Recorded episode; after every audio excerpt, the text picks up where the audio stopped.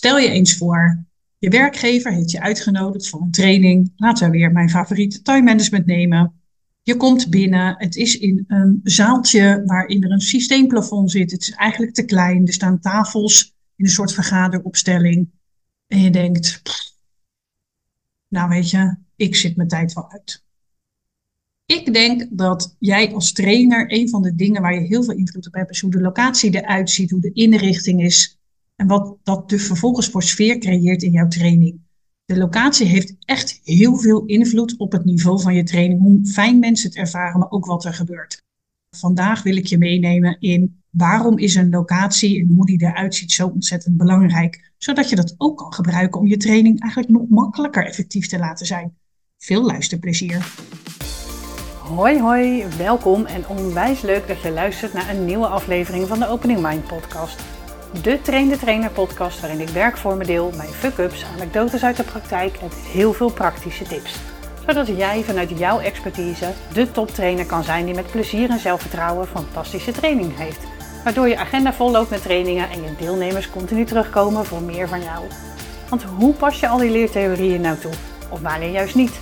Welke werkvorm zet je wanneer in? Hoe zet je deelnemers aan tot actie? En hoe verkoop ook jij je trainingen moeiteloos? Je hoort het hier. Veel plezier! Ik train al best een aantal jaar en ik denk dat ik wel kan zeggen dat ik half Nederland heb gezien aan trainingslocaties.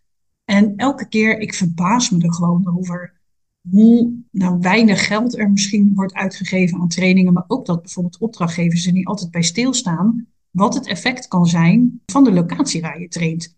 Want wat bedoel ik daarmee? Ik heb wel eens in locaties gezeten waar bijvoorbeeld helemaal geen daglicht is. Nou, sowieso, weet je, wetenschappelijk bewezen is daglicht gewoon hartstikke effectief. En ik vind het echt wat anders als jij bijvoorbeeld een training geeft waarin mensen heel erg naar binnen moeten. Dus letterlijk en figuurlijk. Dat je met jezelf aan de slag moet. Dat er heel veel meditatie in zit. Joh, helemaal prima dat er dan weinig daglicht is. Maar een training waar mensen echt kennis of vaardigheden moeten leren. Kom op, weet je, dat wil je gewoon niet in de training geven zonder daglicht.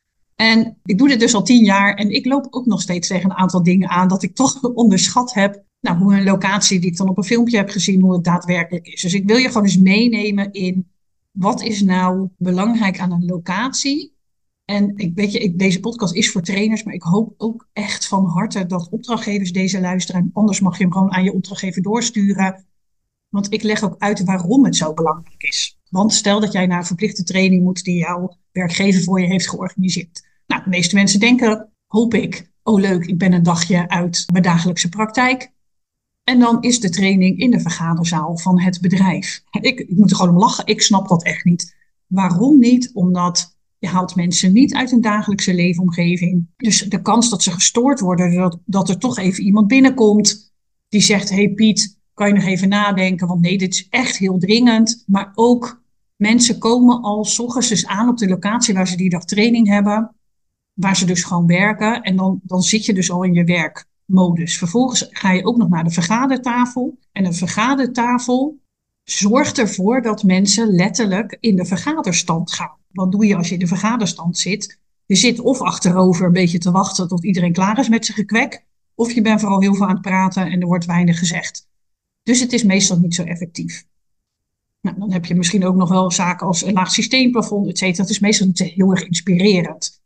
Als je dus als opdrachtgever en ook als trainer wil je natuurlijk graag dat, je, dat er een training gegeven wordt die effect heeft. En een van de meest makkelijke dingen waarmee je dit dus kan beïnvloeden is de locatie. En natuurlijk hoe, je, hoe de training is voorbereid, hoe, welke leerdoelen je hebt bedacht, hoe de trainer is, hoe ervaren de trainer is, hoe het leerplan is opgesteld, et cetera. Allemaal heel belangrijk. En wat daarnaast vooral heel makkelijk te beïnvloeden is, zowel de opdrachtgevers als door de trainer, is de locatie waar je traint. Ik ga je in deze podcast meenemen over de wensenlijst die ik heb. En deze wensenlijst is eentje die ik deel met mijn opdrachtgevers als ik bij hen train. En zij de locatie delen, zeg ik, nou, zou je een locatie willen zoeken die aan deze voorwaarden uh, voldoet? Als eerste, wat ik echt super belangrijk vind, is dat de tafels verplaatsbaar zijn. Het liefste zelfs uit. Ik vind een vergaderzaal met zo'n grote, dikke directietafel van die enorme stoelen waarin je achterover kan leunen is echt een gruwel. Sowieso, er is letterlijk een tafel tussen jou en je deelnemers. Maar ik ben er ook van overtuigd, als jij deelnemer bent, je komt aan in de vergaderruimte, dan is dus ook dat je gaat doen, ik ga lekker achterover zitten. Mijn voorkeur gaat dus uit naar, naar een grote ruimte waarin de tafels, een paar tafels prima in de hoeken. Jij moet je spullen ergens kwijt. Het is ook fijn dat als deelnemers een schrijfopdracht kunnen doen, dat ze dat even aan een tafeltje kunnen doen. Maar de stoelen staan in een U-opstelling op jou gericht. Waarbij ik je ook wil adviseren om echt te kiezen voor een grote zaal. Waarom? Omdat als jij, nou sowieso, het is een van de dingen die ik jou wil adviseren, is een grote zaal. En een grote zaal bedoel ik daarmee, je moet minimaal om de groep heen kunnen lopen. Maar ook je wil de hele groep kunnen aankijken. En wanneer ze heel dicht op je zitten, dan is het heel lastig om de groep te overzien. En het kost je ook gewoon best wel energie, mensen die een soort van zo dicht in your face zijn. Nou, ik vind het ook nog eens een keer fijn om te kunnen bewegen. Niet dat ik bootcamps doe met mensen in de zaal, maar meer, weet je, als je je fysiek in beweging zet, gebeurt er vaak gewoon wat in je lijf. Dus op het moment dat je tegen mensen zegt, kom, we lopen even naar deze hoek van de ruimte, ga je eens een andere oefening doen, gebeurt er ook iets met hoe mensen nadenken. Het is net alsof de energie anders wordt op een andere plek in de ruimte. Dus daar kun je gewoon mee werken. Dus samengevat, stoelen in uw opstelling, tafels het liefst aan de zijkant of er helemaal uit. En een grote zaal, zodat je ruimte hebt om de groep heen te lopen, de groep te kunnen verplaatsen door de ruimte, zorgt gewoon voor energie. Daarnaast is ruimte voor breakout sessies, vind ik ook echt heel fijn. Dus dat je in groepjes iets kan bespreken zonder een ander te storen. Het voordeel daarvan is dus als jij in een klein groepje ergens staat te praten, als uh, groepje deelnemers, dat je niet bezig bent met de andere groep. Dus dit voelt ook vaak heel veilig. En ik vind het fijn dat het ook nog zo dicht bij de plenaire zaal is dat jij als trainer niet op zoek hoeft naar je deelnemers. Overigens kan dit ook prima een hele grote zaal, maar moet gewoon de zaal groot genoeg zijn dat je dus ook kleine groepjes uh, kan maken. Daarnaast veel direct daglicht. Voor mij is veel direct daglicht echt wezenlijk belangrijk. Het is wetenschappelijk onderzocht. Heb je veel direct daglicht, je houdt je energie hoger en het is heel fijn om je focus erbij te houden. Ik ben wel eens in een trainingslocatie geweest waar daglicht helemaal alleen in het dak zat. Waardoor als de zon erop scheen het mega heet was. Dus ook niet heel fijn. Um, en mensen kunnen niet naar buiten kijken. Ik denk dat het fijn is als je uitzicht hebt. Nou, wie weet wat voor nieuwe inzichten je dat kan geven. Uh, dat directe daglicht heeft dus heel erg te maken met energie. Dat geldt ook voor dat jij het klimaatsysteem kan regelen. Dus er moet airco zijn, ventilatie, ramen die open kunnen. Als het zo warm is, wordt in een zaal. Mensen moeten natuurlijk hard werken in jouw training. En dat zorgt ervoor dat het gewoon lastig is om aandacht vast te houden. Dus je wil ervoor kunnen zorgen dat het wat kouder is. Ik vind 19 graden echt het maximale. Wordt er wel eens gezegd, oh ik heb het koud. Nou ja, dan, doe ik wel even een enthousiaste oefening. Het is namelijk makkelijker om mensen op te laten warmen dan mensen af te laten koelen. En als je het al warm hebt, is het echt heel lastig om de aandacht vast te houden. Zeker om drie uur s zie je dan wel dat mensen met rode koontjes naar je kijken. Dus ik wil graag een ruimte waarin het uh, heel koel is. Nou, iets wat daar ook nog bij hoort, is dat mensen snel naar buiten kunnen. Zodat ze even frisse lucht kunnen inademen. Of soms wil je gewoon oefening buiten doen. Ik ga echt heel vaak naar buiten. Ook in de winter. Je kan prima met een dikke winterjas naar buiten even tien minuten een bepaalde werkvorm doen of theorie bespreken. Dat mensen in ieder geval even weer van de plek af zijn, andere omgeving zien. En door buiten te zijn, er gebeurt gewoon iets bij mensen. Dus je trainingen worden er ook een stuk leuker van. Daarnaast is het ook handig als er iets van een terras aan jouw zaal zit, dat de rokerspauze dan niet zo lang duren. Daarnaast, ik had het net over de energie. Zorg dat mensen heel veel kunnen drinken. Dus met andere woorden, zorg dat er flessen water zijn, dat het makkelijk te pakken is dat mensen gedurende een hele dag bij water kunnen. Ik merk dat aan mezelf ook. Als ik gedurende zo'n dag weinig drink, dan krijg ik om drie, vier uur krijg ik hoofdpijn, is mijn energie gewoon lager. Dus je wil mensen vooral uitnodigen om heel veel te drinken. En het is handig als het beschikbaar is. Een volgende is de slechte akoestiek. Dit is natuurlijk hartstikke lastig om van tevoren te testen. En het is wel echt onwijs irritant. Waarom is het zo irritant? Omdat ik merk als de akoestiek slecht is, geluid zakt een soort van weg. En aan het einde van de dag heb ik gewoon last van mijn stem. En je merkt ook dat als er een, zeker als de vrij grote groep is, dus je traint bijvoorbeeld met een man of twintig, geluid verdwijnt en het wordt heel erg ziek. En mensen die last hebben van prikkels, die zijn gewoon doodmoe aan het einde van de dag. Dus het is fijn als er over nagedacht is, hoe kan je die akoestiek uh, beter doen. Wel een interessant voorbeeld. Ik denk een maand of twee geleden was ik bij een organisatie of ik trainde voor een ziekenhuis en die had een externe locatie geregeld. En dat was vrij kort dag, dus ik had geen tijd om daar nog heen te gaan en het te checken. Ik had op de website gekeken hoe het allemaal uitzag. Ik had van tevoren gemaild, dit is wat ik nodig heb. Nou, dat kon dus allemaal niet, omdat Ik, ik wilde de zaal verbouwd hebben en er zat een groep voor mij. Dus ik kwam aan. Toen zei ja, ik kan niet met deze zaal werken zoals die nu is. Hebben jullie een andere ruimte? Ze hadden echt 10, 20 trainingszalen. Ja, het was heel druk, dus alles zat vol. En toen mocht ik in de theaterzaal. Dus ik dacht eerst nog, nou ja, leuk, een soort podium. Nou, er was geen podium, er was wel een beamer.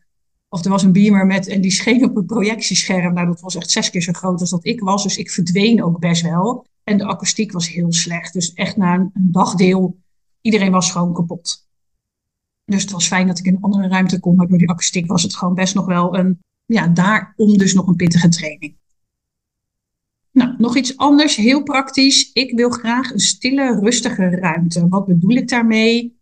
Een ruimte waarin weinig omgevingsgeluid is. Je kan je voorstellen als mensen langslopen, dat dat maakt herrie en het leidt af. Dus je ziet met name als mensen gewoon een training hebben bij een eigen organisatie, en dat moet dus in de vergaderzaal, uh, die zijn vaak open of half open. Dan is een deel van de, van de glazen wand is dan afgeschermd.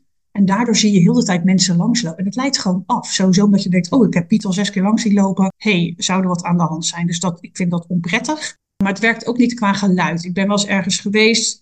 Er zat een koffiemachine, zat dus vlak naast onze ruimte. En met name de koffie zelf maakte nu niet zoveel herrie melk. Ik had echt de neiging op een gegeven moment te roepen, willen jullie alsjeblieft stoppen met je cappuccino's? Dus dat kan heel erg afleidend zijn. Ik heb overigens in de eerdere podcast besproken hoe je daar dan weer mee om kan gaan. Dus daar ga ik dan nu verder niet op in. En uh, het en te rustige zit ook andersom. Ik gebruik vaak muziek bij mijn trainingen, alleen om bijvoorbeeld de pauzes aan te geven. En uh, dit was heel duidelijk gecommuniceerd ook met de locatie. Ik mail altijd naar de locatie. Ik uh, maak muziek of wij maken herrie. Wil je daar rekening mee houden, zodat andere mensen ook geen last hebben van ons? En toen op een gegeven moment in de pauze kwam er iemand aankloppen en die zei, ja, wij zijn hiernaast, hebben we een afscheidsbijeenkomst omdat onze moeder is overleden. Ja, dat is natuurlijk best wel gênant. Dus um, vandaar, weet je, daar wil je wel in ieder geval rekening mee houden. Nou, dan nog iets anders. Wat ik heb echt al een paar keer gehad. Ik heb zo vaak gedoe gehad over dat er van het milieuvriendelijke papier is. En daar laat ik dan mensen op schrijven. Dan gebruik ik Nederlandstiften, die zijn haast niet, die drukken haast niet door. Maar op dat hele dunne milieuvriendelijk papier drukt gewoon dus wel alles door. Nou, wat ik adviseer, vouw ze dubbel. Maar soms kan dat niet. En nou, check dan even bij de locatie. Joh, hoe duur zijn je tafels? Kunnen jullie ze schoonmaken op het moment dat, dat er toch per ongeluk stift op komt of wat dan ook? Ik heb ook wel eens gehad dat mensen een tas op een tafel zetten wat een kras opleverde. kan hele boeken vol zijn over wat er soms met het al aanwezige materiaal gebeurt. Iets wat ook heel erg invloed heeft op hoe leuk mensen je training ervaren, is de catering en de verzorging.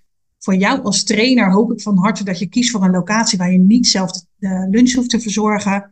Dat kan prima als je met twee of drie eh, deelnemers werkt. Maar als jij een groep van 10, 12 mensen hebt en jij moet daarvoor de lunch regelen, heb je zelf ook nog steeds geen pauze. En ben je dus alleen maar bezig om ervoor te zorgen dat een ander naar zijn zin heeft. Wat natuurlijk heel goed is. En jij mag ook even bijkomen tijdens de lunch. Dan is het ook nog fijn dat de lunch niet in je zaal hoeft, zodat mensen zich uit uit je zaal gaan en zich even naar een andere ruimte kunnen begeven, waar misschien ook wel andere mensen weer zijn. Maar ook dat de ruimte een beetje leuk aangekleed is. Ik had laatst een training en daar zaten we onder een zwart systeemplafond zonder daglicht. Het voelde alsof we in de kelder zaten. Nog een praktische tip voor wanneer je werkt met open inschrijvingen. Laat deelnemers vooral zelf naar de locatie mailen wanneer ze dieetwensen hebben, want het scheelt jou echt heel veel ge-mail. Nou, dan ook nog een andere. Is de locatie te bereiken met het OV? Dat is nog wel eens een discussie. Ik vind het zelf heel fijn dat deelnemers uit drukte zijn. En dan is een stuk door weilanden of het bos moet om bij de locatie te komen. Dat doet iets met het loskomen van je dagelijkse realiteit. Maar goed, die locaties zijn niet altijd even praktisch te bereiken vanaf het station. Dus ik hou er wel rekening mee. Zijn ze met het OV makkelijk te bereiken of niet?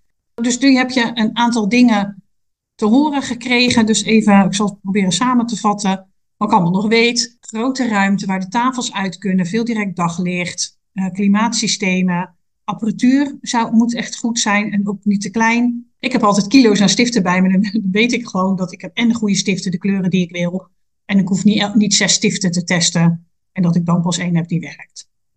Uh, dus de grootte van de zaal had ik het net over. Je wil iets met breakout sessies kunnen doen. Het zou fijn zijn als mensen naar buiten kunnen. Heel veel water. Denk aan de akoestiek. Een stille, rustige ruimte. Met tafels en papier waar je gewoon op kan schrijven zonder dat het doordrukt. Denk aan de catering. Nou, ik heb dus dit hele lijstje met je gedeeld. En nou ben je natuurlijk vast benieuwd, ja, hoe regel je dit nou? Wat ik bij mijn eigen open trainingen doe, is gewoon altijd de locaties bezoeken. Ik heb een aantal favorieten die weten wat ik wil. Dus dat gaat eigenlijk altijd wel goed. En uh, check ook regelmatig bij andere trainers. Nou, de locaties die ik gebruik, mocht je inspiratie willen. Ik deel echt regelmatig op Instagram via mirjamheek.nl ruimtes waar ik ben. Dat doe ik ook wel eens op LinkedIn, ook uh, Mirjam Heek. Dus daar kun je sowieso een aantal voorbeelden vinden. Nou, dan kan het natuurlijk ook nog gebeuren dat een trainingsbureau je inhuurt en gewoon zegt, nou, je moet uh, daar zijn. Meld het altijd bij een trainingsbureau als ik niet tevreden ben. Ik heb echt op locaties gezeten dat ik zei, joh, het lijkt wel of het geld op is. Het is wel heel erg shabby. Ik heb op locaties gezeten waar naast ons gebouwd werd. Dus het was en een herrie. En het zag er vrij desolaat uit. Met van die wapperende zeilen. Ik denk dat dat uh, geen goed, uh, goede indruk geeft. Wat er natuurlijk ook nog kan, is dat jij bij een bedrijf aan de slag gaat. Dus een bedrijf heeft gevraagd of jij kan komen trainen. Ik doe mijn intake sowieso het liefst op kantoor, zodat ik daar al een beetje kan zien wat zijn ze gewend qua hoe een locatie eruit ziet. Als ze graag willen dat ik intern kom trainen, dus echt bij het pand zelf, vraag ik of de trainingsruimte mag zien. Als ze wel een trainingsruimte extern willen boeken, stuur ik gewoon mijn lijstje door en vraag ik of ze altijd maar even contactpersoon van de locatie kunnen geven, want dan kan ik het zelf nog even regelen. Als het intern is en ik heb hem niet gezien, vraag ik of ik een filmpje kan krijgen en geef dan vervolgens instructies.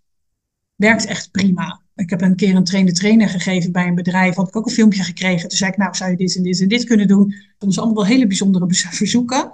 Maar het was een trainde trainer. En die trainer zeiden zelf allemaal, oh, nou, wij snappen wel waarom je dit wilde. Wat ik altijd doe als ik voor het eerst van een ruimte gebruik ga maken, is dat ik anderhalf uur eerder in de ruimte wil kunnen. Dat vraag ik ook altijd gelijk van tevoren. En kan dat niet, vraag ik om een andere ruimte. Want dan heb ik en de tijd om nou, te landen, maar ook om de ruimte nog verder af te maken, mocht het niet gebeurd zijn zoals ik heb gevraagd.